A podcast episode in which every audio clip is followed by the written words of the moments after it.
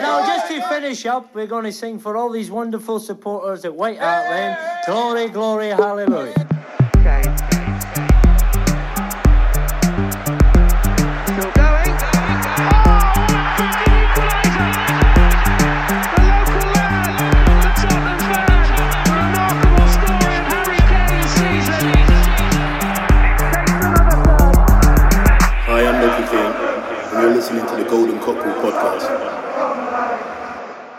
Hei og velkommen til Golden Cockerdal. 100 dager uten Premier League-fotball er over, og Premier League-kampene ruller endelig for fullt igjen. Og med oss for å diskutere tiden som har vært, og det som ligger foran oss, har vi Petter Frydenlund, velkommen. Ja, takk for det. Ole Andreas Olsen, velkommen. Takk, takk. Og Leif Konrad Borsheim, velkommen. Takk for det. Kruttsterkt eh, panel. Vi kan starte med deg, Petter. Um, tidligere nestleder i Tottenhams Venner. Bodd flere år i London og var på aller siste kamp i Leipzig før eh, denne koronapausen. Også blitt kåret til årets supporter av Supporterunionen for britisk fotball. Eh, Veldig hyggelig å ha deg her. Ja, veldig hyggelig å være tilbake igjen. Det er lenge siden jeg har vært med Golden Cockerel nå. Ja, det var, det var fint å kunne komme. Det er mye å snakke om uh, i dag, men vi må, vi må starte litt. Uh, en, fi, en fugl har hvisket uh, meg i øret en historie om eh, at du eh, har oversatt managerspillet FM til norsk i sin tid, eh, og at du gjorde noen eh, ja, grep eh, da du kom til eh, noe som handlet om Sol Campbell. Ja, nå skal vi, skal vi, skal vi tilbake til 2006. Eh, Da jeg eh, Da var jeg 18 år gammel og flytta fra Oslo til, til London for å følge Tottenham. Og guttedrømmen gikk jo i oppfyllelse både utafor arbeidstid og i arbeidstid, for da fikk jeg jobbe for Sega og teste eh, fotballmanager. Så da var det å sitte da fra åtte til fire og spille, spille FM, og jobben min var egentlig bare å eh, kvalitetssikre norske versjonen av spillet. Så satt og spilte det hele dagen, så var det av og til noen setninger man skulle, man skulle oversette, og fra engelsk til norsk, da. Og den setningen, en av de setningene jeg skulle oversette, var jo da eh, beskrivelse av hva en free transfer var, inne på ordliste. Eh, og da var på en måte eksempelet fra engelsk var at eksempel på en free transfer er som da Sol Campbell gikk fra Tottenham til Arsenal i 2001. Og da var det jo veldig fristende for eh, en eh, litt overivrig 18-åring å, å slenge, slenge på en liten, liten R foran uh, Sol Campbell. Og hva får vi da? Da får vi uh, R-Soul. Å ja! Da er det Rassar Campbell. Um, og det, det, dette kom jo gjennom, og var da med på, på å spille var med to år på rad i den norske, norske versjonen, da, eh, inne på, inne på ordlista. Så Da snakker vi? FM06, var det det? eh, ja, det må ha vært det. Så de av dere som kanskje har FM06 liggende, kan jo prøve den og, og se om dere, om dere finner den lille detaljen. Kult. Uh, Leif Konrad Borsheim, dagens nestleder i Tottenhams Venner. Alltid en ære å ha deg med. Er det noen sommerferie på unge Borsheim for tiden? Nei, det blir dårlig med det, så, men jeg skal tilbringe hele juli på Vestlandet. Men Det blir litt jobbing, og så blir det litt ferie. Jeg regner med at du har eh, ordnet fiber og premium og alt som er der borte. Ja da, det blir nok en tur på, på sportskafeen i, i Stavanger og se på, på Tottenham. Der eh, går kampene for fullt fram til sesongslutt, så det blir bra. Det blir bra. Får håpe du får mye å glede deg over eh, på puben der. Ole Andreas Olsen, mye Tottenham fremover. eh, Det blir en, eh, en Ja, det- sommer med mye Premier League på TV. Ja, det er nesten som man håper på litt dårlig vær etter hvert. Eh, det er veldig greit at de to kampene nå har gått så seint, så at man liksom kan sitte inne foran skjermen med god samvittighet. Men jeg har jo ikke ferie ennå, jeg heller, så, så det blir litt tungt å stå opp dagen etter. Av og til. Det blir det. Vi skal eh, ta for oss eh, de to kampene som har blitt spilt eh, etter dette koronaavbrekket, men må jo høre med dere først, da. Hvordan har det vært med tre måneder uten Premier League-fotball generelt, og Tottenham-kamper spesielt? For meg har det gått ganske så greit, altså. Overraskende greit. Eh, Jeg tror på, på mange måter at det, det var lettere å holde med Tottenham enn med Leeds og Liverpool eh, når, når koronaen stoppa fotballen. Så vi var jo liksom Siste Tottenham gjorde, var jo bare å bli reivkjørt ut av Champions League og FA-cupen. Og, også begynte å havne bak i, i Premier League, så jeg følte jo egentlig på vei hjem fra satt på flyet hjem fra Leipzig der at eh, eh, nå er sesongen over. Føltes det litt sånn ut, da. Ja. Så, så det tapet der var jo egentlig ikke så, så stort, så Men ja, det er jo litt spenning igjen nå, da.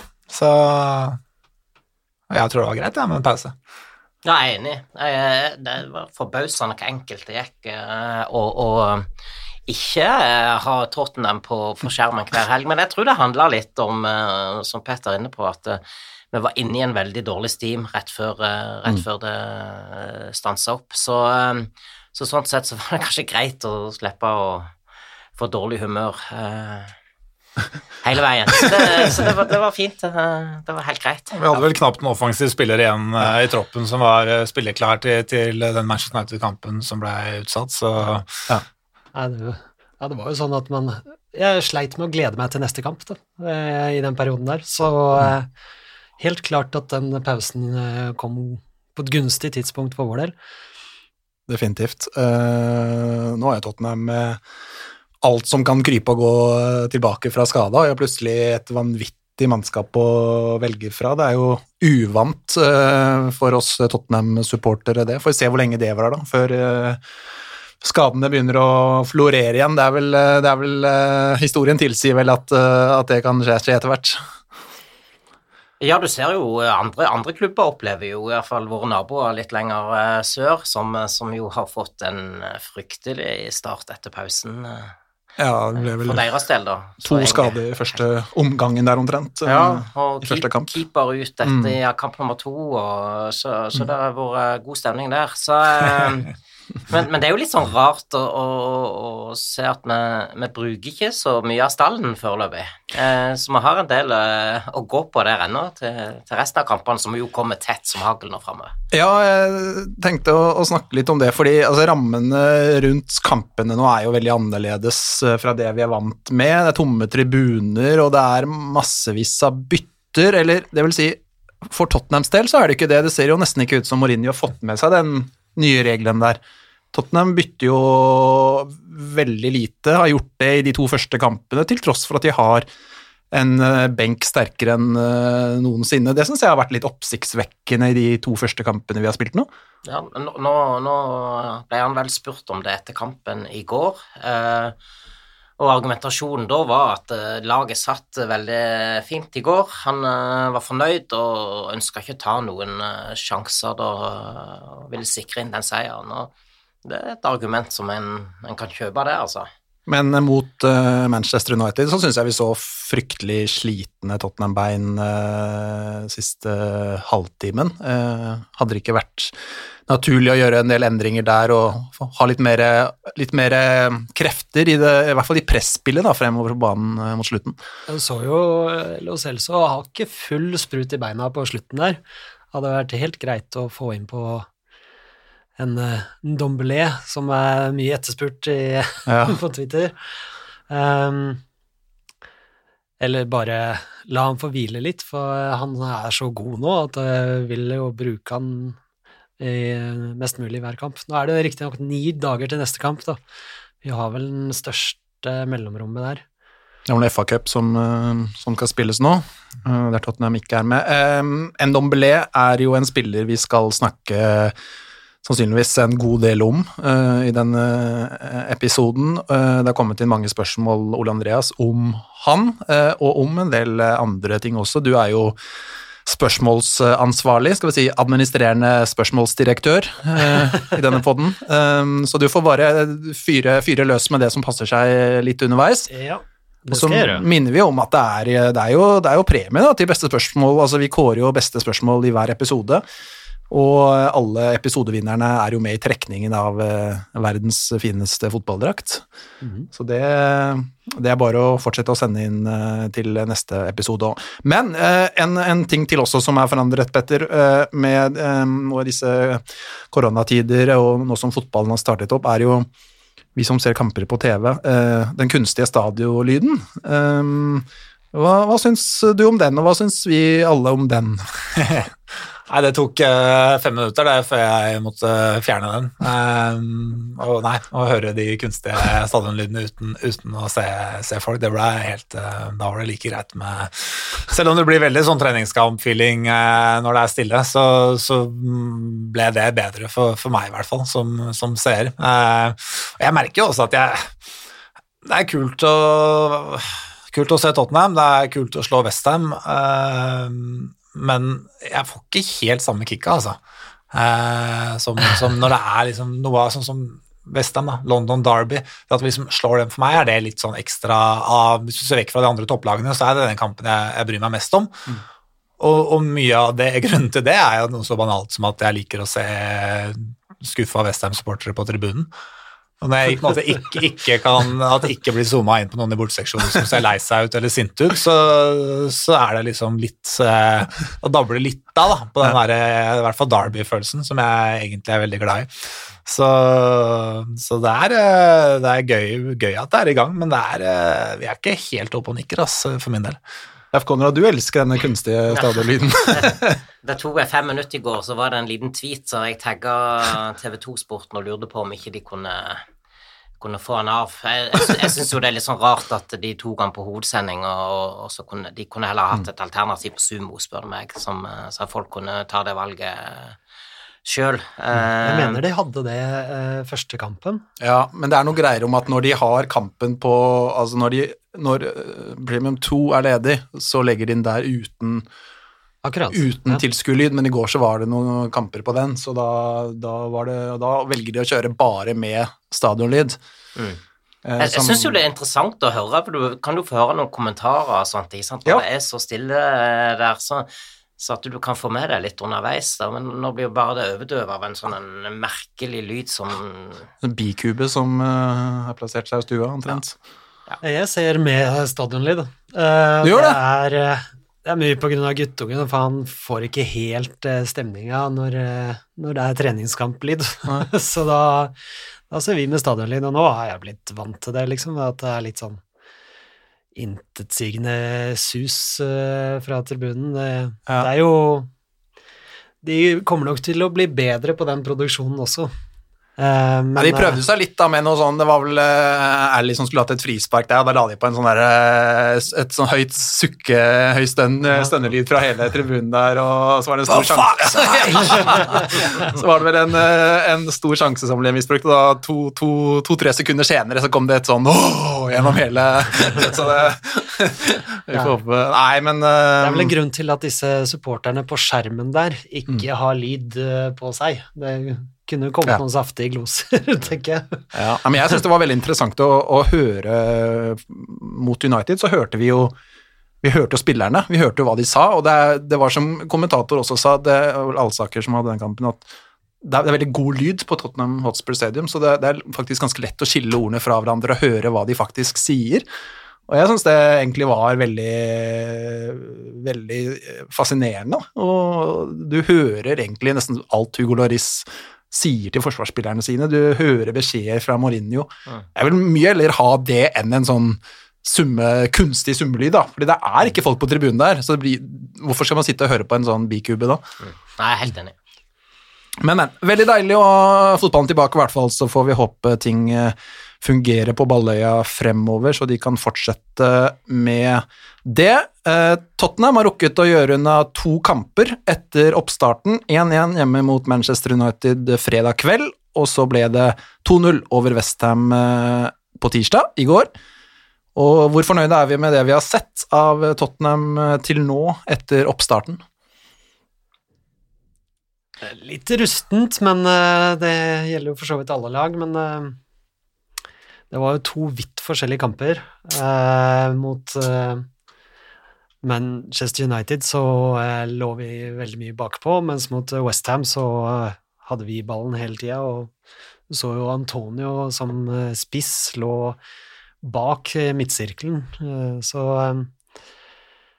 ja jeg syns det er vanskelig å liksom gi noe fasitsvar på hvordan, hvordan vi står, men ja Jeg tror, tror Hvis en skal trekke fram noe, så, så, må det jo være at vi har sluppet inn ett mål. Mm. Og vi lakk jo her før uh, pausen. sånn at det der at vi, vi slipper inn lite mål nå, må jo uh, være positivt. Men, og det var på straffe i tillegg. Ja. Mm. Ikke sant? Ja. Uh, så, så, så, det er bra, og det midtstopperparet syns jeg har mm. Det er veldig overraskende at han har kjørt i begge kampene, ja. men, men de har sett bra ut. Mm. jeg var jeg minner meg, jeg var skuffa, jeg var sur, jeg var egentlig forbanna under United-kampen, fordi at jeg opplevde at vi så akkurat ut som før pausen i forhold til at vi, vi er ekstremt defensive. Uh, og så, så, jeg var jo veldig spent på, på kampen i, i, går, da.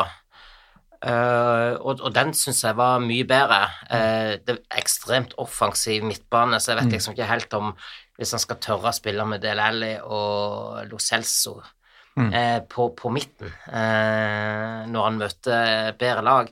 Fordi at det må sies at Westham var ekstremt dårlige, og de var, ja. som du er inne på, Ole Andreas altså, De lå så lavt, og, og altså, de så ja. ut De var verre enn vi var mot United i forhold til, Absolutt. til hvor, hvor de lå hen. Så, så at det tok litt tid å bryte igjennom, og, og, det går kanskje litt tregt offensivt, men, eh, men absolutt eh, positivt eh, i går, syns jeg.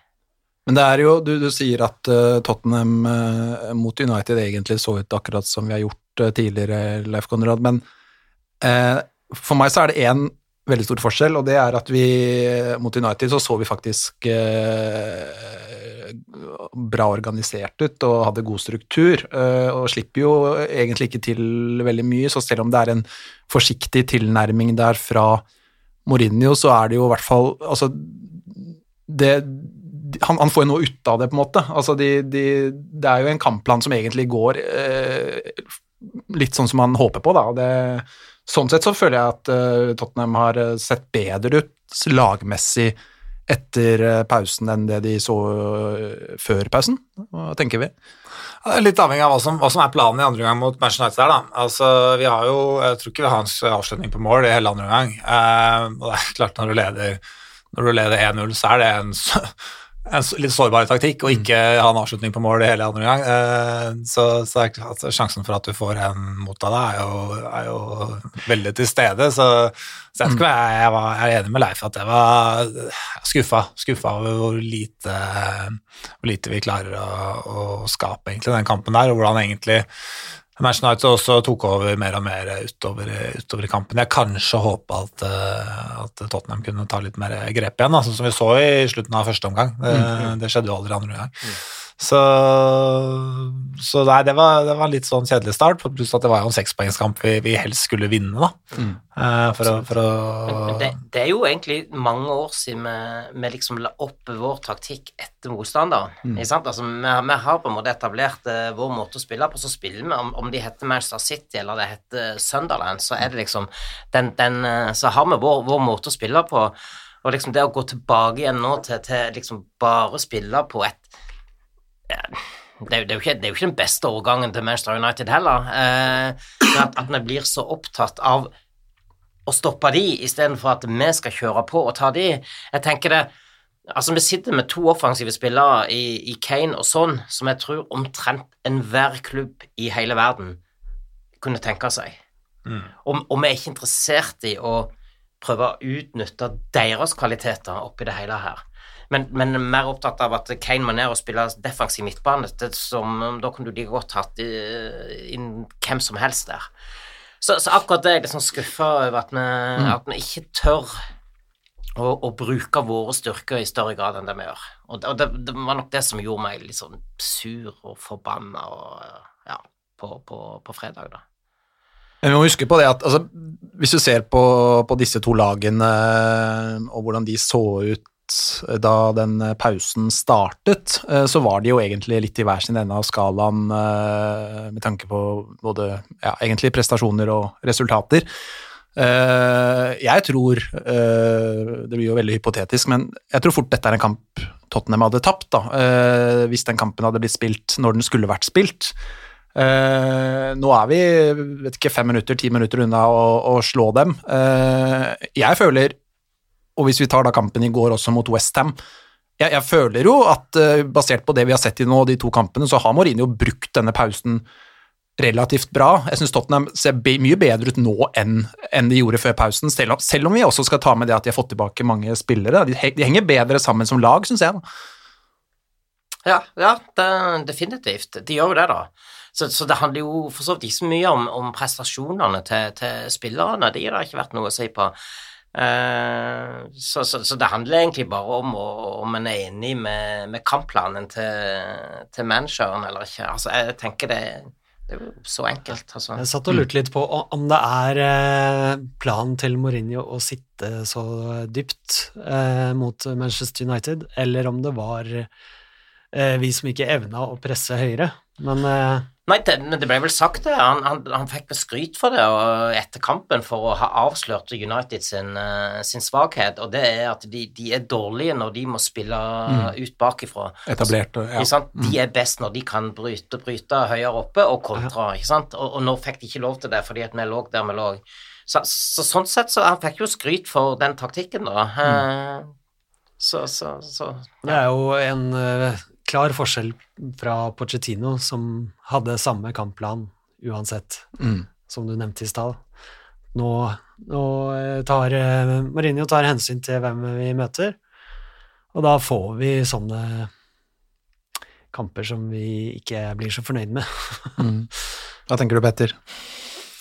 Nei, jeg bare hørte navnet Pochettino bli nevnt, ja. så da ble jeg altså, Det er 30 grader i Oslo, og vi sitter, eh, sitter inne i et altfor hett studio, men nå ble jeg enda et par grader eh, hetere inni meg når det navnet kom opp. Det, det, ja, det, jeg savner Pochettino, jeg, rett og slett.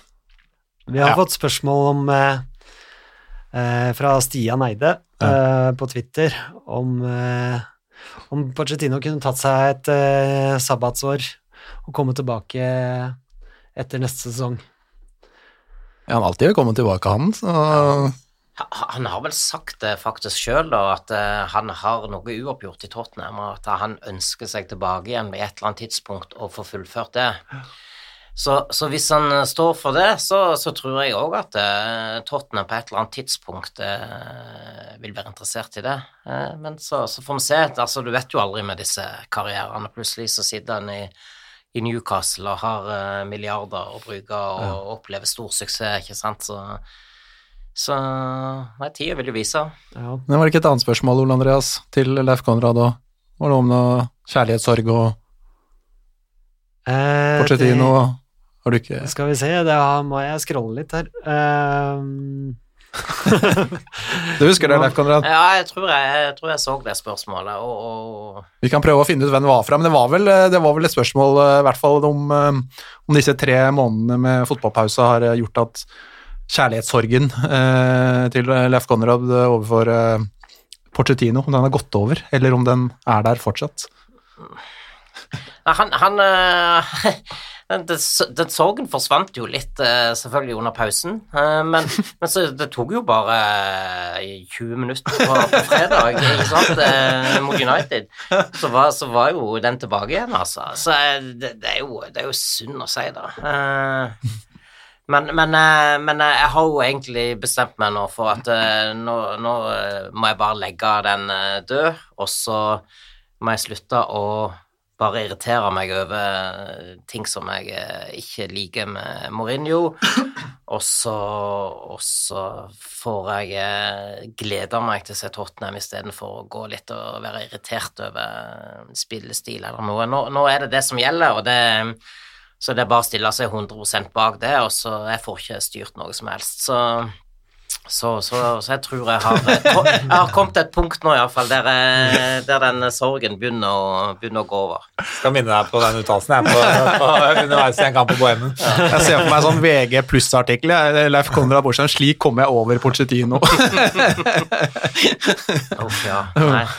Ja, um, gjennomgangsmelodien i sosiale medier da, eh, er jo at eh, fotballen Tottenham spiller under Mourinho er eh, kjedelig. Ehm, og det er vel ingen som er veldig uenig i det, så akkurat det er det vel kanskje egentlig ikke så mye å diskutere rundt. Men det som er mer interessant, da, det er å kanskje prøve å krype litt inn i hodet på Mourinho. Eh, spiller laget hans, vårt kjære Tottenham, på denne måten fordi det er Mourinho som optimalt sett ønsker at de skal gjøre det, eller er det et resultat av at Mourinho nå har sett seg piska nødt til å starte opp da med å stramme opp det defensive? Eh, et defensiv som jo ikke har fungert overhodet det siste året. Og så får heller fokuset på det offensive komme når laget har utviklet bedre struktur og et bedre defensivt eh, fundament. Hva tenker dere? Nei, Det er jo litt sånn at alle som har uh, litt greie på fotball, mener jo at, uh, at, det er jo det defensive som er liksom den største jobben å coache. Uh, så det er et naturlig sted, å, mm. naturlig sted, å, begynne, og Tottenham har jo offensive spillere av så høy kvalitet at, at det der vil jo, er jo på en måte mer av jobben kanskje gjort i på en måte bare i form av at de gutta kjenner hverandre og har spilt sammen noen år. Så, så det er ikke ja, det er kjedelig å se på innimellom og, og sånne ting, men jeg, jeg vil heller ikke utelukke at uh, at uh, Mourinho kan få litt orden på ting, uh, og at uh, Vi ser det bare i de to kampene altså Defensivt så har det ikke mm. vært så mye å utsette på, på noe som helst. Um, så, så, jeg har jo veldig lyst til å tro at, at, vi er på vei et sted, da. Um, og hvis Altså hvis Tottenham vinner et trofé, så driter jeg i hvem som er trener, jeg. Altså, jeg har lyst til å ja. oppleve det også, så, så ja. Det... Vi ser jo en klar bedring. Han overtok jo midt i sesong, rett mm. før et tett juleprogram. Hadde jo ikke mange trimene på treningsfeltet hver uke. Nå har han hatt god tid til å innprente sin eh, filosofi, mm. og da tror jeg det også frem, fremover vil resultere i færre baklengs. Og så tror jeg også at det vil resultere i kjedeligere fotball. Men, eh, men ja. Nei, eh, færre baklengs, og så eh, la gutta, de gode gutta forover gjøre jobben sin på sin måte. Jeg, tror, jeg har litt inntrykk at det bare do your thing eh, oppover, og så skal vi se sånn ut bakover. Mm. Han, han, ja, Leif Grønne. Ja, nei, jeg, jeg, bare kom over en, en uh, statistikk over eh, Mourinho i forhold til poeng per kamp i karrieren hans. Mm. Og, og, i Porto og første periode i Chelsea så hadde han altså da eh, 2,38 i snitt per kamp. Ja. Det, er ganske, det, er ganske, sykt, altså. Ja, det er uh, og, og, i perioden Inter og, og Real Madrid og første sesong i Chelsea, som de har lagt inn her, da, så hadde han 2,30. Og fra 2014-15-sesongen, de to siste i Chelsea, i Manchester United og så langt i Tottenham, så er det da et poengsnitt på 1,85. Ja. Sånn at den, den har gått ganske på, på, de siste seks sesongene her nå, så har han plukka vesentlig mindre poeng per kamp. Er det fordi han er dårligere, eller er det fordi han har blitt litt mer avslørt på taktikken? Ja, det er jo det som er litt Det er det som er interessant, ikke sant. Mm. For, for, en del kaller han jo for Altså, han har jo fått litt sånn dinosaur, ikke sant, og at han er utdatert mm. i forhold til, til taktikk og, og, og, det fotballfaglige, men det, det er jo vanskelig å tro det òg, da. Så, så, ja. så det, det, det, er liksom ikke godt å si hva som er årsaken til dette. Jeg må slenge inn en, en, du dro opp en statistikk her, som jeg slenger inn en, en, statistikk som jeg også bare undersøkte sjøl her eh, en dag. Jeg, jeg sjekka målforskjellen til Liverpool denne sesongen her. Og altså, Liverpool har jo hatt egentlig en prikkfri mm. sesong som man bare kan drømme om, og tenker at det er liksom helt, helt uh, umulig å, å, gjøre noe sånt. Men uh, ikke noe så målforskjellen til Tottenham fra 16-17-sesongen. Og sånn som det ligger an nå, hvis på en måte spillet fortsetter sånn som sesongen har vært til nå, så hadde Tottenham bedre målforskjell i 16-17 enn det Liverpool kommer til å få den sesongen her. Mm. Ja. Er, Tottenham hadde 86 skåra mål og 26 innslupne. Ja, er... Mens Liverpool per nå har 66-21. Mm. 16-17-sesongen, altså. Det... Så det er jo Vi hadde vel eh, ja. ja. At ikke Tottenham vant ligaen den sesongen der, da er vi gode, altså. Ja. Det var bare det at vi røyk ut av åh, forferdelig røyk ut av Champions League-gruppespillet det året ja, der. Den sesongen der med, mot Leverkosen og Monaco og tullet der. Ja. Vi spilte, vi hadde, Tottenham hadde en kjempegod som var dårlig i oktober-november. Ja. og da røyk ut av Champions League. Hadde dratt med seg den formen der inn i Og så møtte jo til og med tapte til og med mot Genk, eller Gent, eller det der eh, belgiske laget. På et fullsatt Wembley i 32-delsfinalen eller i Europaligaen i tillegg, da. Hvor de egentlig spilte en veldig god kamp, men var, eh, ja, hadde mye uflaks og røyk ut der. Jeg er sikker på at det laget der hadde i hvert fall rulla inn en Europaliga. Det var helt ustoppelig på våren her. Nei, men jeg, jeg, litt tilbake til den United-kampen. Um, jeg sa jo i stad at uh, jeg tror eh, den kampen hadde Tottenham tapt hvis den hadde blitt spilt i Var det mars? Ting stoppet opp. Ehm, og um, jeg tenker også bare på Så sier jo du, Leff Konrad, og jeg, og jeg, jo, jeg ser jo absolutt poenget ditt, at, eh, at det er jo kjipt å se et så forsiktig Tottenham eh, hjemme. Vi ønsker jo at de skal ta tak og styre, styre kamp og, og dominere banespill, men hvis vi også tenker da på United da, og deres styrker og Er det ikke egentlig Tottenhams mulighet, da, sånn som ting er nå, at de har den tilnærmingen der? Hvis, hvis vi hadde dundret på fremover og latt United få gjøre det de er best på, så tror jeg vi hadde ganske sikkert tapt også på fredag. Ja, det, det, det kan godt være, ikke sant? Og det, og det var jo egentlig en sekspoengskamp eh, i forhold til å komme seg ut i Champions League, men vi måtte egentlig vinne den, altså. Men Vi er jo fem minutter unna å gjøre det. Altså, Eh, Ja, vi er jo det, ikke sant, men, men det er liksom ikke Og ikke eh, Ja, så, så, så det kan Ja, nei, det er vanskelig å si. Altså, det kan godt være at det var vår beste mulighet eh, til å ta de tre poengene, men at vi rett og slett ikke var, var gode nok. Det, kan godt være. Eh, Så, så Så ja. Men i hvert fall eh, Westham-kampen i går, da, Ole Andreas. Eh, det var et steg i riktig retning, både egentlig fra United-kampen og fra mye av det vi har sett Ja, på ganske lang tid, egentlig. ja, absolutt. Og jeg digger jo Celo Celso utpå der. Og eh, frakteball, sentreball, korte, lange. Eh, ser jo at eh, alle pasninger sitter ikke for alle gutta hele tiden, og da Han er flink til å finne rom å bli spillbar i, og flink til å finne folk å spille på. Mm. Eh, ser jo at uh, alle er eh, i beste fall rusten. Mm. Eh, Kane har vi fått noen spørsmål om. eh, om eh, kommer han tilbake dit han er? Mm. Det var veldig godt å se at han også fikk seg en putting i går. Han det lå jo langflatt på gresset etterpå. Det var en eh, Han var sliten, heftig spurt. Jeg var på si noe om Kane. Ja, Ja. Jeg blir så jævlig provosert av å høre til og med våre egne supportere, Tottenham-supportere, sitte og altså, Ja, ja, han kan ha dårlige kamper, han er forferdelig mot Manchester United, men å begynne å snakke om at han skal bort fra Tottenham Faen, er det for noe piss, da? Det er jo vår tids Jimmy Greaves vi sitter med her. Altså, Vi har liksom kanskje en verdens beste spiss de siste seks årene. Han er en local lad, han er en jævla fin fyr. Han er liksom alt drømt om i en spiller, da. Skårer masse mål. Er et oppspillspunkt, jobber som faen, kjempegode holdninger. Er en som liksom drar med seg laget. Han er 26 år. Snakka om å kvitte oss med han, hva er det for noe tull, da? Jo, at, at han er liksom eh, over eh, middagshøyden nå, det, det er jo- jo med respekt å melde tøv. Ja, ja. Eh, han, han er Han er egentlig Han er Tottenham, altså. Han er, og, og, Ja. og tro at du skal få noe bedre enn det Altså. Nei, altså, Tottenham kommer aldri til å kunne klare å hente inn en spiller som, eh, som eh, vil levere noe, noe i nærheten av det. Altså, for det første er ikke Tottenham i posisjon til å få tak i fordi altså, de, altså, de beste spissene i verden, da, det er det vanskeligste å få tak i for alle de beste klubbene.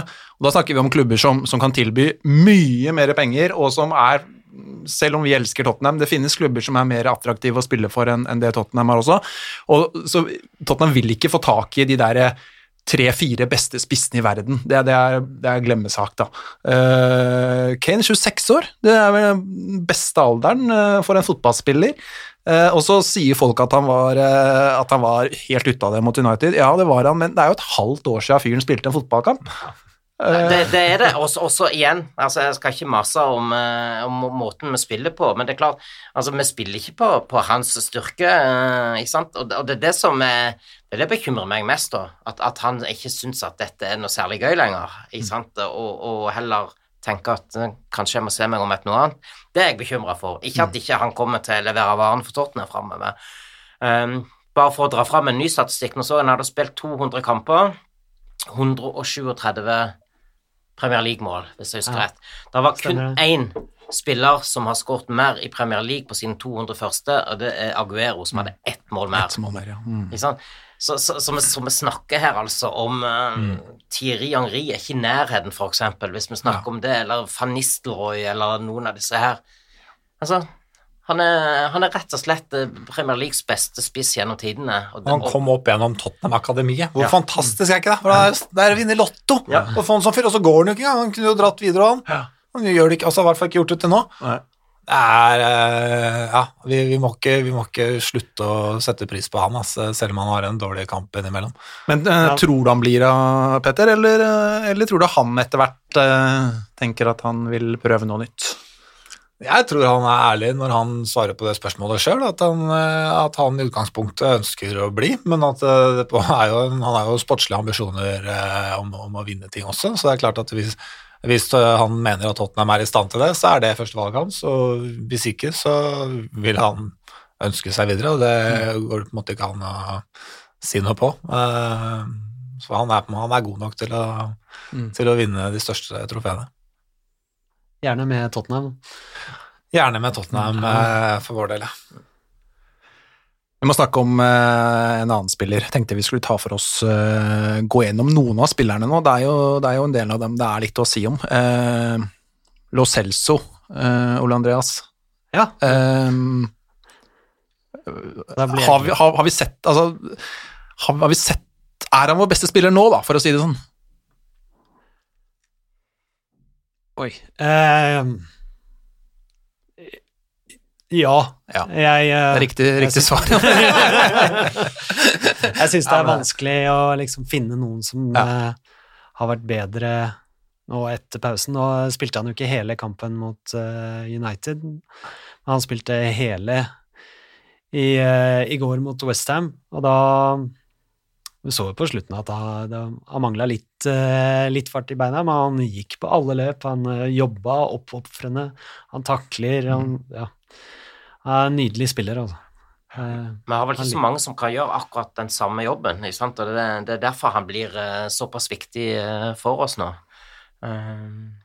Han klarer liksom å, å kunne dra av en spiller, eller, eller komme og spille seg igjennom et midtbaneledd, og, og kanskje sette oss i, i overtall. Så, så, så han er ekstremt viktig, men om han er vår beste spiller Jeg syns når det er to på topp der, som i Kane og sånn, som jeg syns er, jeg, er hakket bedre. jeg liker de òg. ja. Men er det Altså, jeg blir så overrasket positivt sådan over uh, hvor rask han er. Altså, det drivet, det er liksom Dembélé Har liksom Dembélé-fakter, føler jeg. Han kan eh, Jeg føler det er liksom en sånn, eh, en sånn pakke med Dembélé, Modric og Eriksen, nesten. Det, det er jo enormt store ord, men det er jo eh, Sånn som han har spilt nå i en del av disse kampene, er- så er han, eh, så er han jo egentlig nesten, eh, nesten en sånn litt sånn eh, miks av de tre. Det er ganske, det er ganske større kompliment kan du vel nesten ikke få som, eh, som Tottenham-spiller. Men der, er- det er egentlig interessant, for, for uh, mitt inntrykk i hvert fall er at vi, vi har kanskje aldri hatt et så temposterkt lag, så mange kvikke spillere som det, som det vi har uh, i troppen nå. Um, Og det er jo selvfølgelig en fordel med den kontringsfotballen, å sitte dypt og sånne ting, da, men, eh, men det er ganske bra tempo på de gutta våre nå, altså. Det er det. Og tenk om vi kunne hatt en uh, fungerende Ndombele ved siden av Lo Celso.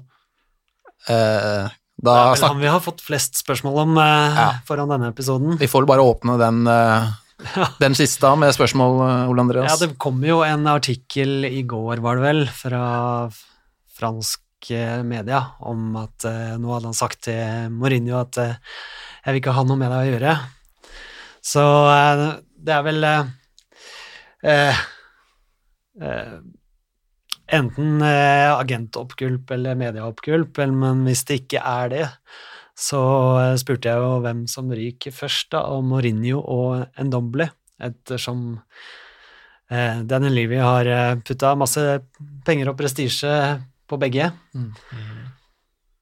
Så eh, er det noen som har gjort seg noen tanker der? Jeg vet jo hvem jeg ville valgt Ja. av de to.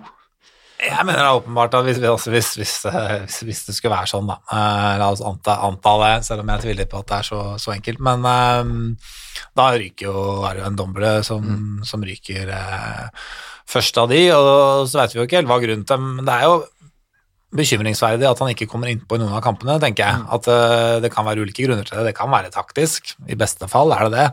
Sannsynligvis så er det jo enten noe med kommunikasjonen deres mellom, eller kanskje aller mest trolig at han ikke har vært god nok på trening. Da. At han ikke er på en måte matchfit nok, eller ikke på en måte har spilt godt nok, eh, godt nok på trening. og kan du si, Uansett hva, hvilke av de scenarioene som er, er sanne, så er det jo bekymringsverdig da, når, når en så viktig brikke og en så dyr spiller i laget ikke får et eneste minutt eh, i to ganske forskjellige typer kamper. Eh, Mourinho forklarte det med kampbildet mot Westham, ja, okay, ok, men kampbildet mot Manchester United, da. Altså, det, det er noe som ikke helt Der hadde vi ikke hatt helt trengt en som kunne holde litt på ballen, eh, frakte litt ball. Ja, og Så gikk jo Mourinho ut før Manchester United-kampen og snakka, snakka en dobbel opp noe helt uh, innsides òg. uh, så der er det jo noe, ja, noe mind games eller et eller annet som i hvert fall ikke helt eh, Det er ikke alt som blir sagt som, som er helt riktig, i hvert fall. Ja. Nei, men er vi redd for at han blir solgt, eller? Ja, jeg er livredd for det, for jeg mener jo han har et råtalent og et potensial som er eh, vanvittig stort. Eh, og hvis eh, Tottenham gir opp han etter én sesong, eh, så syns jeg det er fryktelig trist. For jeg tror han kan bli eh, veldig, veldig, veldig god. Eh, så eh, jeg vet ikke om det nødvendigvis trenger å, å være enten Ndombele eller Mourinho. Det spørs jo helt på om, eh, hvor mye det er i disse ryktene som går om denne. Eh, Men det er klart, hvis, hvis, det, hvis en av dem må ryke eh, Det er klart, det er jo sannsynligvis Ser vi på et sånn økonomisk perspektiv, så er det jo veldig mye rimeligere å kvitte seg med en dobbel. Han kan jo eh, få mye penger for, til og med, mens Marino sitter på en eh, feit, feit kontrakt, så, så da frykter jeg at eh, en dobbel ryker. Fordelen der, da, hvis, hvis det har skjært seg på en eller annen måte med en Domble, er jo at han er jo mulig å, å skifte videre for en, for en god, god sum. da. Hvis, hvis de ryktene om Barcelona og gud veit hvem er, er sanne, så er jo det i hvert fall en får man kanskje igjen penger for den, om ikke annet. da. Nå så jeg jo, Var det ikke Barcelona som har klart å finne 72 millioner pund på Arthur fra Juventus, Ja. hvis jeg eh, leste rett? Så det er klart at de sitter jo med litt eh, Noen eurobunker nå i, i Catalonia, så, så jeg håper jo for guds skyld at de, de holder seg unna. Men, Ja. men, men hvis ikke han får spille, så får han jo ikke spille. Så det en må jo Da, da må han jo kvitte seg med han før han synker enda mer i verdi, da. Så Jeg har jo tenkt at det kan jo være noe uh, prestasjonsbonus her til uh, Lyon. Eh, hvis han spiller så og så mange kamper, så får de ti 10 millioner euro ekstra, eller noe sånt. At det var en del av, av totalpakka. Men det er bare jeg som har Ja, men det er sikkert mer, altså Ja, sånne ting har sikkert mer å si enn det vi er klar over noen ganger. Ja. Ja, men han har vel vært Han har, han har jo spilt såpass lite, har han ikke det, at uh, at da, da skulle det ikke mange kampene til før en kla- klausul blir utløst, da, men uh, ja, det kan jo være. Kan Ja, vi får bare se det Hva sier magefølelsen? Er en, en Dombele i Tottenham om et halvt år, Ole Andreas? ja, det. Hva sier du, Petter? Ja. Leif jeg, Konrad? jeg tror han er i Tottenham neste sesong. Ja, vi får håpe det. Ehm, så må vi snakke litt om eh, Vi har jo fått et sånn ja, flunkende nytt uh, midtstopperpar, egentlig. Vi har jo Jeg var inne og så litt eh, på disse forsvarssammensetningene Tottenham har stilt med denne sesongen, og det har jo vært gud bedre så mye forskjellig, og eh, prøvd det meste, egentlig. Men nå er det jo Dyer og Sanchez da, som har fått eh, sjansen i to kamper på rad. Og øhm, det har jo vært eh, et valg som har fungert veldig bra. Ja, de har Ja. vært- bunnsolide. de hadde eh, et straffespark der på Daya som eh, Men det det var noe unødvendig, men klart han gjorde det meste ut av det. Pogba òg der. Men, eh, men bortsett fra det, så, så, så syns jeg de har vært glimrende. Og han hadde jo en fantastisk blokkering mot United Dyer. Så, så, det, så det, de, har klart seg uh, helt strålende, de. Litt sånn overraska over at han uh, satte ut Aldeverelt, men, uh, men det har jo funka. Nei, altså, de har, de har vært veldig bra, de, de to kampene her. Eh, Jeg, jeg må jo Jeg stusser jo litt på at Mourinho brukte Det var ganske mange kamper Dyer fikk på defensiv midtbane her før, eh, før Mourinho skjønte at dette ikke Det tror jeg alle andre skjønte før eh, han som burde skjønt det, kanskje. Så, men eh, som stopper har han gjort, gjort sakene sine bra. Han er jo en ledertype. og så han er jo noen år yngre enn Aldevereldo, så, så hvis man får litt orden på, på, på det stoppeparet der, så er, det, er jeg fornøyd med det. Nå skal han vel eh, Har han fått eh, lengden på den suspensjonen sin, eller? For å vandre oppover eh, Nei, jeg tror ikke det er tribunen der.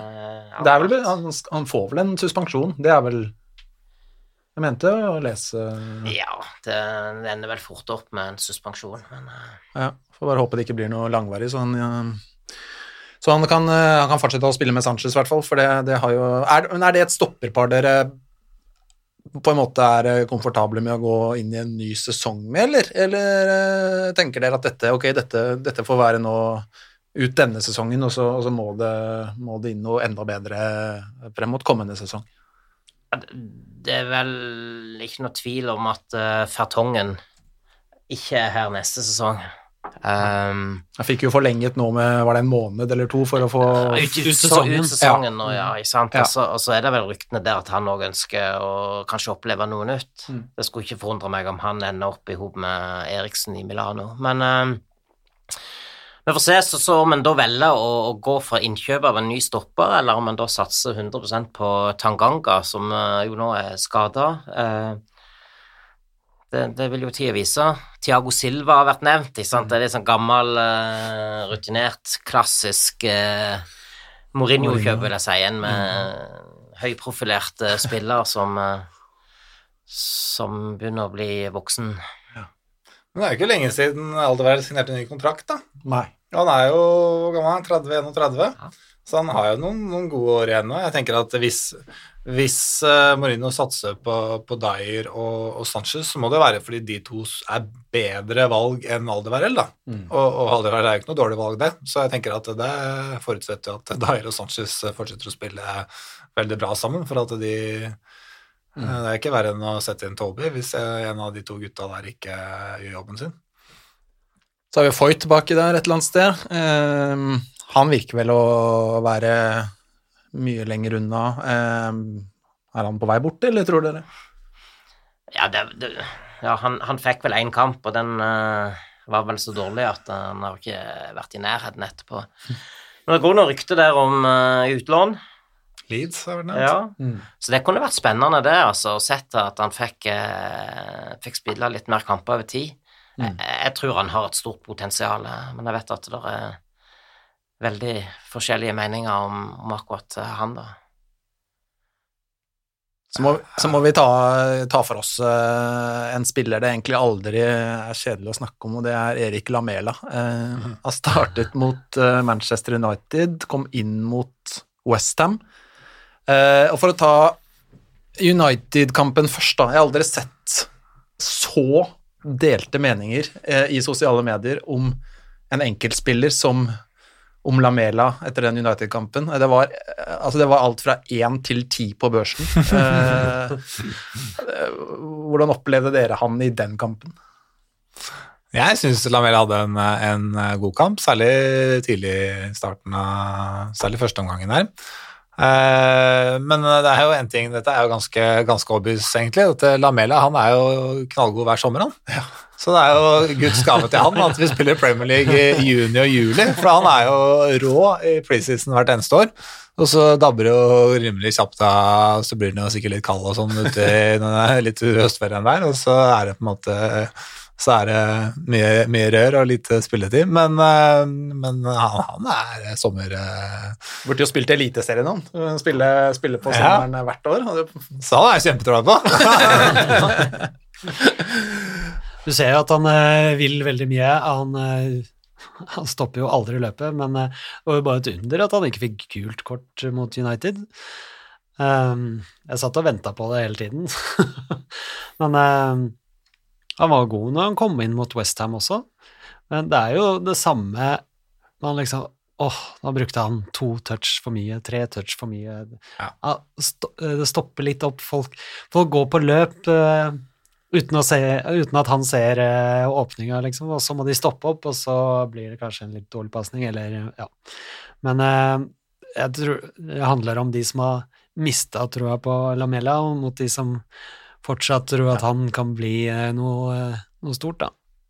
Men det er vel akkurat det der som altså i hans posisjon at vi har eh, best dekning nå, ikke sant? så han har jo ekstremt mange å, å konkurrere med. Eh, satt jo Bergveien òg på, på, benken i, i, går, ikke sant. Mm. Så, så, så, det er klart at det, det, det, kan bli tøft for han å, å, spille seg inn, tror jeg, på, på laget.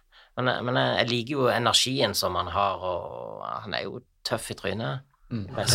Kjip å spille mot, tror jeg. Ja. Men altså, sånn, man er jo, han er jo frustrerende å se på, for all del. altså han gjør mye dårlige valg, han dribler seg bort. Han er fryktelig venstre, venstrebeint. At, uh, men, altså, men heller, jeg vil heller se Lamela drible seg bort og spille en støttepasning enn at alle gir bort ballen igjen og igjen. Altså. For det er Nå begynner det å bli ja. Nå begynner det lenge siden han har uh, spilt mer enn én en god kamp ja. på rad. Og det bringer meg over på Jeg hadde tatt, tenkt å ta en sånn kjapp runde her nå. Tenk dere at dere mot all formodning nå skulle få ansvar med å ta ut laget mot Sheffield United neste uke. hvem velger du av Del Alli eller Erik Lamela, Blandres? Mm, der eh, tror jeg jeg går for Lamella per dags dato, ja. Du og Petter? Ja, i hvert fall i sommer. Nei, jeg går for Del Alli. Du gjør det? Ja. Syns, men han han har jo ikke vært Fortell oss hva han har gjort bra de siste to og et halvt årene. altså, du kan se på statistikkene her, så, og i forhold til alder og hvor mange kamper han har spilt, hva han har levert av målpoeng og mål. Så nå, nå, er det jo eh, en stund siden sist, men han har vært litt sånn plaga med skader og, og, litt. Og så er det litt eh, posisjonen han spiller i nå. Jeg, jeg, har noen utfordringer i forhold til at vi spiller 4-3-3, og der finner han plass til Dele Alli i en sånn formasjon. Uh, så, så, men, jeg, men, jeg, ser litt problem med å finne plass til Lamela òg i, i, den formasjonen. ikke sant? Men, men måten som, som Delali ble brukt på uh, i går, så mener jeg at han, uh, han forsvarer den plassen før uh, Lamela. Men i utgangspunktet så kunne jeg godt tenkt meg å ha hatt inn en eh, Ja, altså hatt, hatt en midtbane der med eh, kanskje Sissoko, Vinks, Lo Celso, altså en litt mer eller en Dombele, ikke sant. Mm. Så, så, så han, han, mot, mot Westham så funka det helt fint, og det var, altså, de var så defensive at uh, det var uh, lurt å stille med et off, med offensivt lag, en offensiv midtbane. Men jeg, jeg tror den kan slite når, når vi møter lag som, som, tør å stå høyere. Og mot Sheffield United så tror jeg definitivt at de tør, tør å gå i strupen på oss. Mm. Så, ehm, så, der så ville jeg nok uh, styrt under både Del Alli og, og, Lamela, og kanskje gått for, et litt sånn tryggere valg på, på, midten. Få litt bedre balanse inn. Han er jo en fantastisk spiller å, å kunne sette inn også, da, Lamela. Det er Det virker som Mourinho har blitt veldig måte glad i ham, altså den spillertypen, altså den ærgjerrigheten. Det er jo alltid altså, Det har vært perioder hvor han nesten ikke har trent, men han uh, melder seg til kamp og gjør uh, Han er jo alltid en du får uh, full spiker fra, så ja, så jo egentlig det i går òg mot Westham, at da han kom inn, så, så, så, så var han viktig, da. Um, ok, vi skal Vi skal ta en uh, bare sånn liten sånn kul jingle, så er vi straks tilbake. Hi, I'm Ledley King, and you're listening to the Golden Cockerel podcast. Ja, vi måtte bare lufte litt i det lille studioet her. Det er uh, 100 grader her inne, og svetten renner omtrent, så um, nå, får vi, nå får vi være klar til innspurten uh, av dagens episode. Og vi tenkte å snakke litt om Selv om fotballen nå har begynt å rulle igjen, da, så har uh, utvilsomt konsekvensene av covid-19 uh, stor betydning på Premier League og Tottenham uh, i lang tid fremover, både sportslig og økonomisk. på hvilken måte tenker dere at, at det vil påvirke Spurs, Leif Conrad? Ja, det er jo det som, det, det som blir veldig interessant å se nå. sant? Vi som har sesongkort der borte, har jo fortsatt ikke fått noe info om hva som skjer neste sesong. ikke sant? Uh, de har betalt tilbake igjen penger nå for disse kampene som, mm. som går for tomme tribuner. Og, og, hva som skjer, skjer neste sesong, er jo vanskelig å si eh, interessant og er jo i forhold til når de åpner opp igjen. altså Hvordan er den økonomiske situasjonen for folk i Storbritannia? da? Er det sånn at de tar seg råd til dette sesongkortet når det kommer? Så har de anledning til å gjøre det? Uh, og, og, og, og, hvem er det som kommer på kamper, da? Altså det, det bekymrer meg òg litt. Mm. Eh, ender vi opp med å være uh, Old Trafford med 70 uh, turister. Sant? Vi er jo turister sjøl her, sant? som kaster stein i glasshus. Men, men, men, men det, det, det, gjør noe med, med, det å være på kamp òg, da. ikke sant? Så det er jo den ene sida av det, det å være fan. men økonomisk så ja, det er klart at dette vil klubbene merke.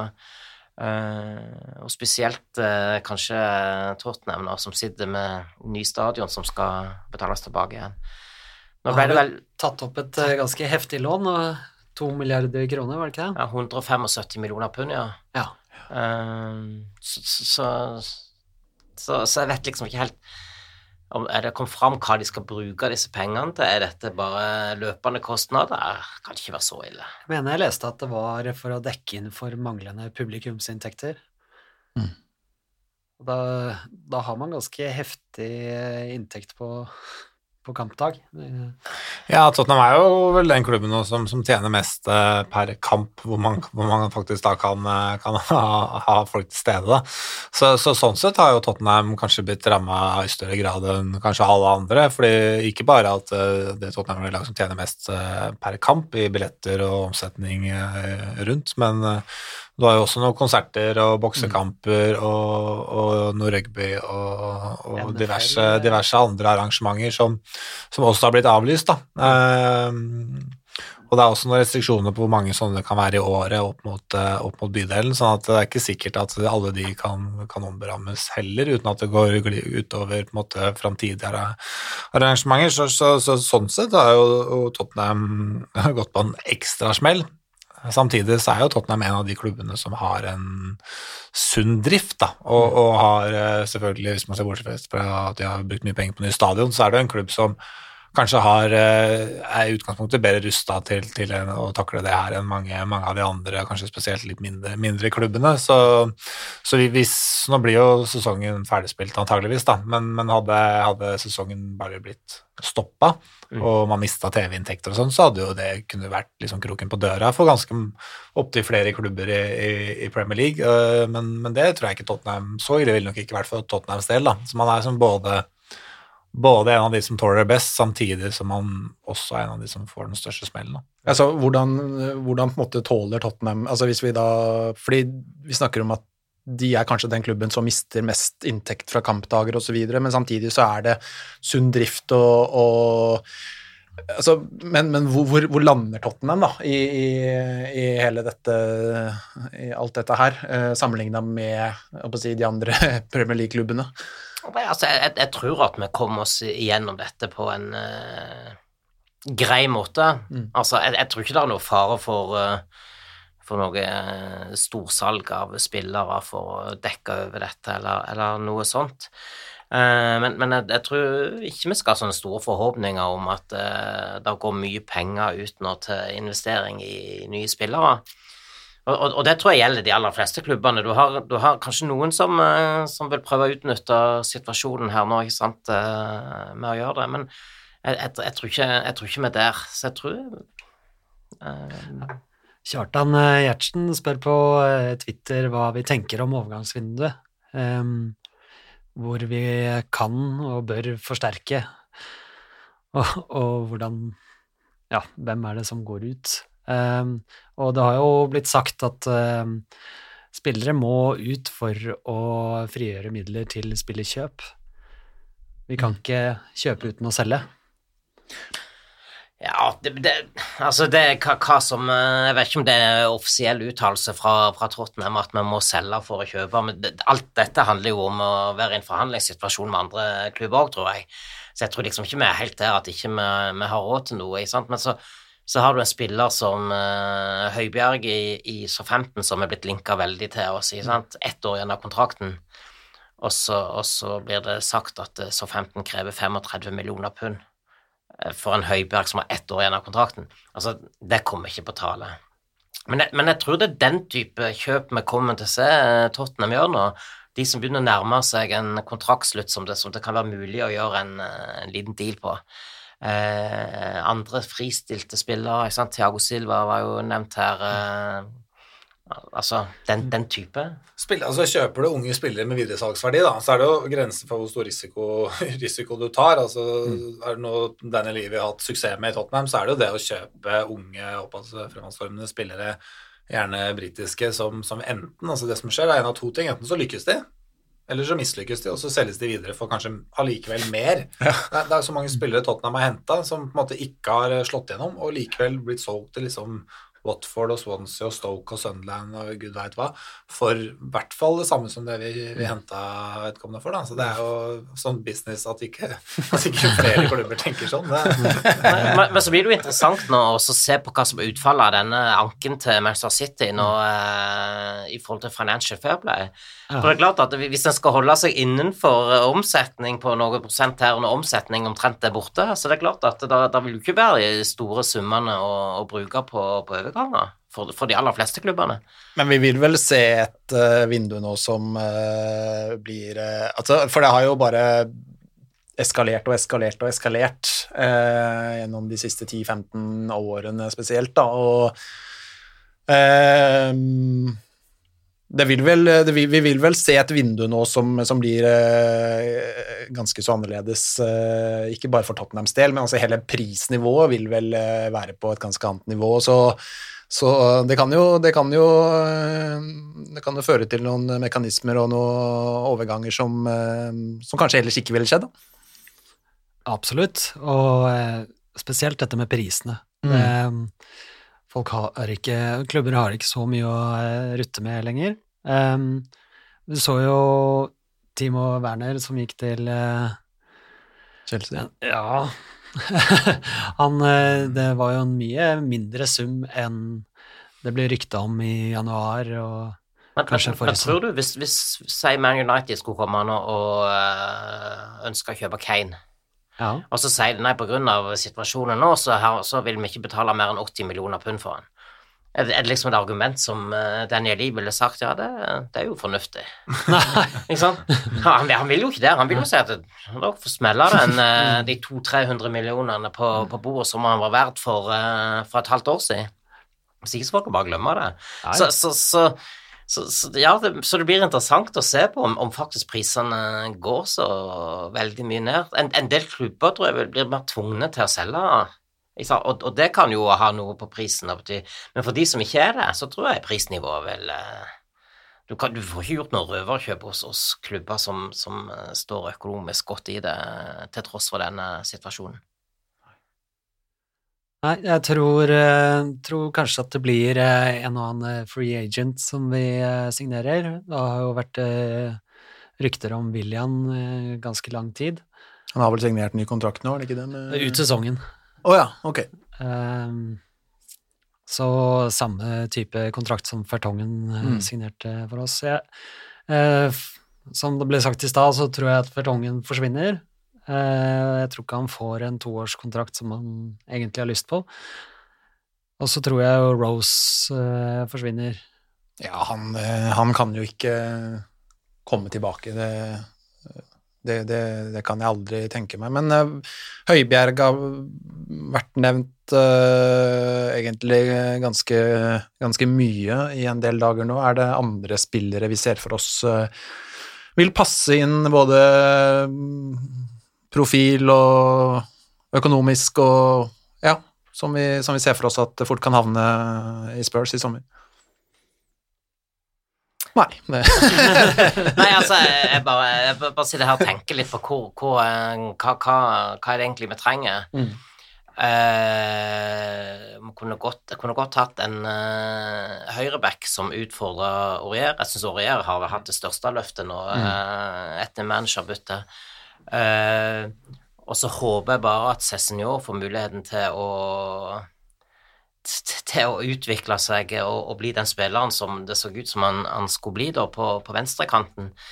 Men ellers er det liksom vanskelig å, å se for seg hva, hva vi skal hente. Det snakkes jo alltid om en spiss, men vi har noen som kan uh, være backup for, for uh, Kane. Men uh, det høres ut som at det er helt umulig. Så lenge Kane er i klubben, så er det ingen som tør å komme og prøve å utfordre han. Så, så, så da må en kanskje finne løsninger i, i troppen og i form av Son eller Lucas eller eh, Bergveien og Ja, ikke sant? Ja, tror du ikke at eh, eller Mourinho kan ha lyst på et oppspillspunkt, da? Må jo få sin Fellaini inn i inn i-. Ja, de prøvde jo på Giroud i januar, Ja. så det er jo klart at det er jo åpenbart eh, å få tak i en litt sånn aldrende Lorente-type Ja. noe à la det, da. Eh, Det tror jeg at jeg kommer til å prøve på, i hvert fall. Tor Hogne Aarøy, spiller han eh, fotball fortsatt, eller? I Japan var vel sist uh, hørt om han. Uh. Husker det var jo, det var jo så ille en periode der i januar var vel det at eh, det var jo folk som sånn Jeg tror det var sånn ganske seriøst at noen eh, ønsket at Peter Crouch skulle At han, han kunne være den, da. Som bare stå, hva, sier Han meldte seg vel sjøl på Twitter. ja, han det. Nei da, men vi får se. Eh, Matic er det jo Han er jo ikke, han er jo ikke spiss, men det er jo en del sånne gamle Mourinho-elever som også blir eh, nevnt nå, da. Som litt sånn typisk Mourinho. Eh, godt voksne fotballspillere som han kanskje har hatt før og kjenner og Ja. Mm. Det, Nei, det er ikke det mest spennende. Det liksom, og det, og det, det fungerer sjeldent ja. å ta med seg spillere. Ndombele ut og Matic inn i sommer. Det ville vært en stor uh, nedtur, altså. Vi har um, syv kamper foran oss. Sheffield United borte, Everton hjemme, Bournemouth borte, Arsenal hjemme, Newcastle borte, Leicester hjemme og Palace borte. Det er jo et kampprogram som i utgangspunktet ikke ser sånn helt uh, håpløst ut, da. Hva tenker dere, hva blir forventningene, hva må vi håpe på? Hva må vi være fornøyde med resten av sesongen? Så ambisjonsnivået må altså man må jo gå for, for Champions League, men jeg tenker sånn realistisk, realistisk sett så, så skal man være ok fornøyd med Europaligaen, sånn, som- sånn som ting ser ut. Eh, nå, nå er jo det der eh, Manchester City-greiene henger jo litt i løse lufta, og det påvirker vel Jeg går ut fra at det er utestengt fra Europaligaen også.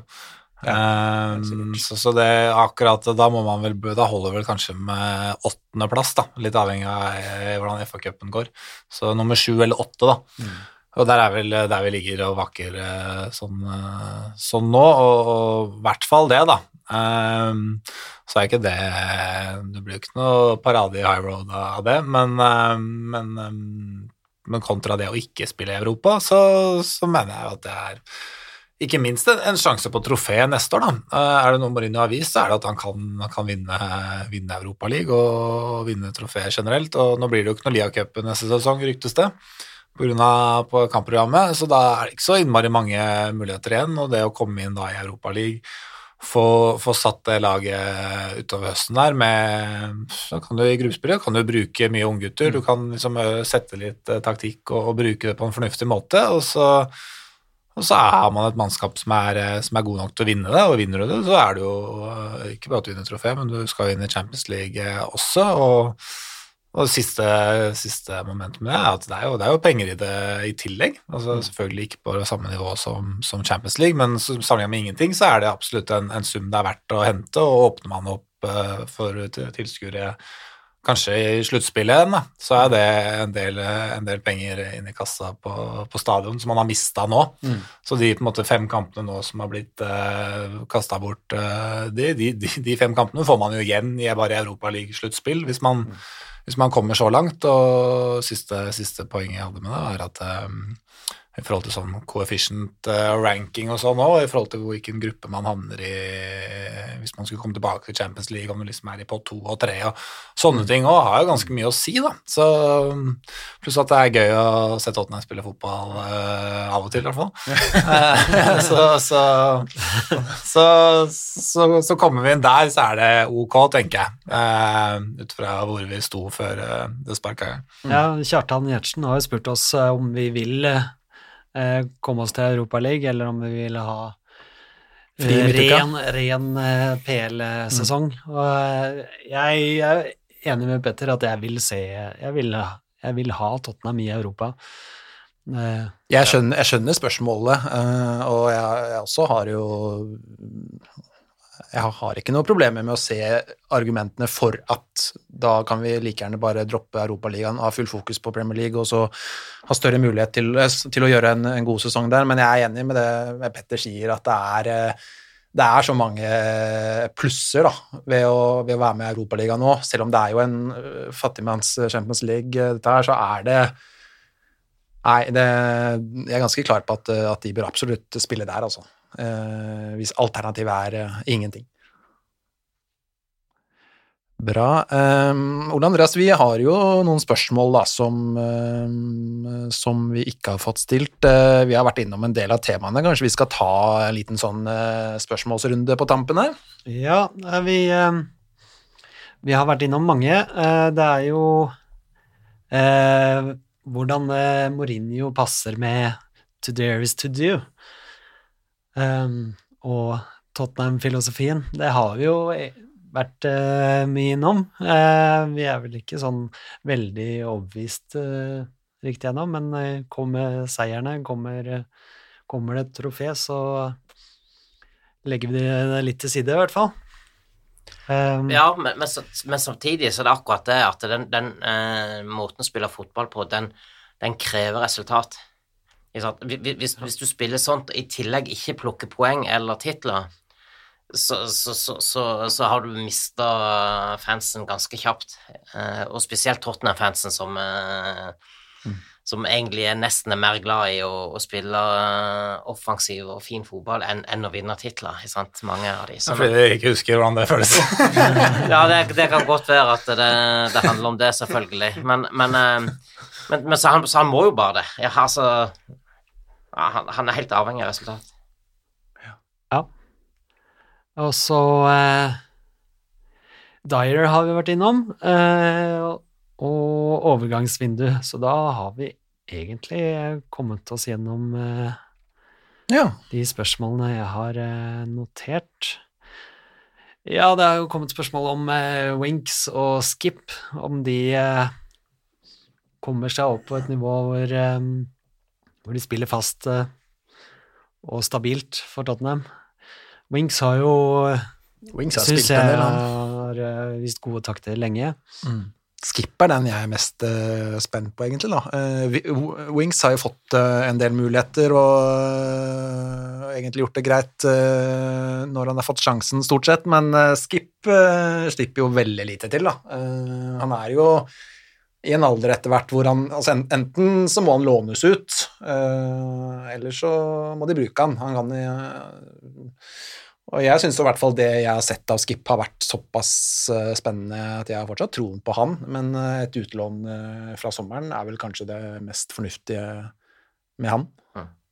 Ja, han, han, bør definitivt lånes ut neste gang, for han, han, får ikke mye sjanser, tror jeg i nær framtid i Tottenham. Uh, så, så, et utlån hadde vært bra for alle parter der, tror jeg. Mm. Da Forutsatt at det er, da mener jeg at man bør legge lista på Premier League-nivå på det, på det ja. låneoppholdet i så fall. Ellers så ville jeg hatt, hatt han inne i Europaliga-troppen, hvis, hvis, det er der vi skal spille. Og så er det jo uh, Luke Amos, som uh, klarte å kalle for Ben Amos i quizen forrige. Det var jo helt skandale. Men uh, Luke Amos har jo vært på lån nå i QPA, Og han får altså så uh, gode tilbakemeldinger uh, fra QPA-fansen at, at han òg kan jo bli interessant å se på om, om vi tør å satse på han uh, framover, og, og, og, viser kanskje at det å ta et lån ned i championship òg kan, kan være nyttig hvis du får så har vi jo en annen gutt vi har lånt ut uh, rett etter å ha kjøpt han, Jack Clark. Han, han satt jo på benken i Leeds, henta tilbake igjen, sendte QPR, og nå sitter han på benken i QPR òg, sånn at det, han har nok en litt lengre vei å gå, vil jeg tro. Men ta så Beskriv denne Luke Amons, uh, Leif Conrad, for de som ikke har sett han uh, noe særlig. Hva slags Ja, altså- spillertype er det Tottenham Ja, jeg har jo ikke sett forferdelig mye av han sjøl heller. Uh, jeg bare, jeg bare leste QPR-fansen som sier at han, han, han er jo en midtbanemann. Mm. Uh, og som, som styrer hele, hele bedriften der, altså, på, på banen. Altså, han er, er visst uh, overalt og er utrolig god. Mm. Så, så men, men vi har jo nesten ikke sett han i, i, i Tottenham-drakt. Hvor gammel er han? 1920? Ja, han, eh, han var med på tur til Norge når vi møtte Ja, det Inter var det, Milan. ja, det var det jeg sant? tenkte. Han er 23 år gammel. Han blir 23 såpass, Såpass, ja. Så, så det er jo en som eh, Han har vært i, i gamet en stund. Eh, Ja. Han spilte jo en del i både Bullevål og i Australia.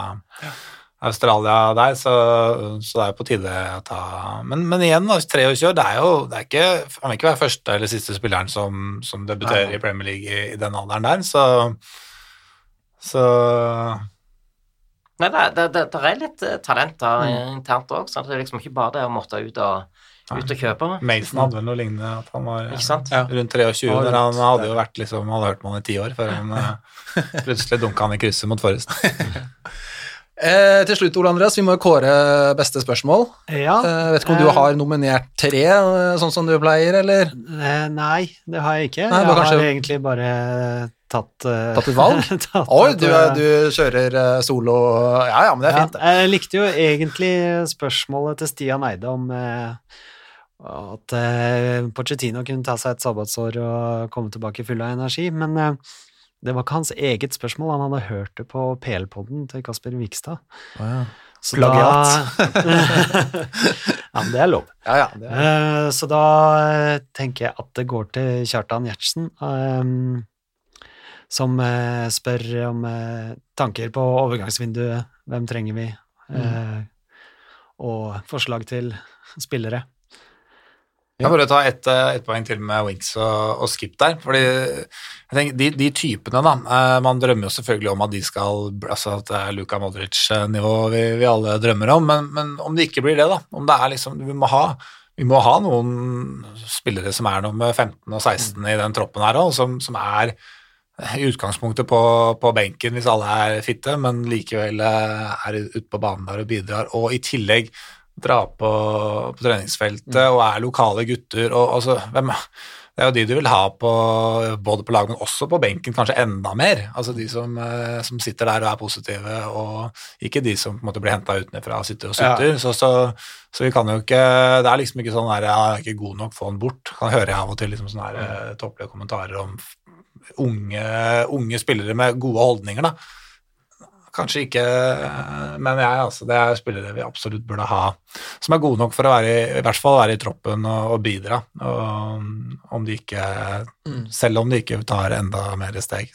Ja, for, for liksom kjemien i en tropp, da, så er det nok sikkert bedre å ha en sånn sulten, eh, lokal, eh, forholdsvis ung spiller som, eh, som er stolt av å være der, enn å ha en sånn mis, misfornøyd italiener, spanjol, som egentlig mener han burde spilt på alle lag i verden.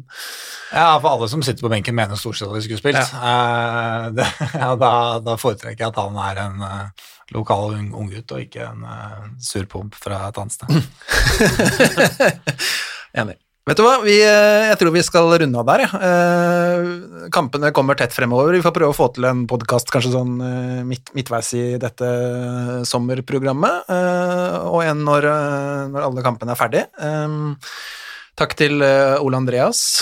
Takk. Takk til Petter. Ja, jeg må få skyte inn Ja. mens jeg sitter her, helt på tampen. Altså, så dere tre som, som sitter her sammen med meg i dag, det er bare imponert over innsatsen dere har fått til med podkasten siste, siste tida. da.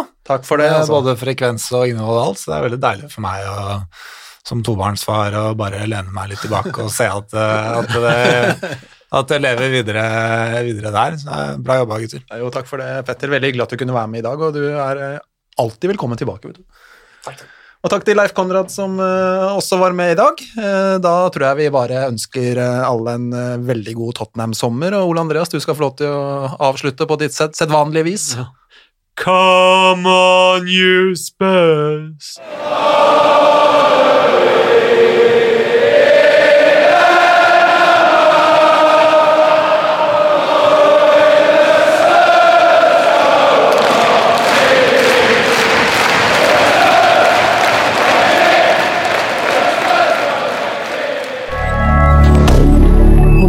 rien dire.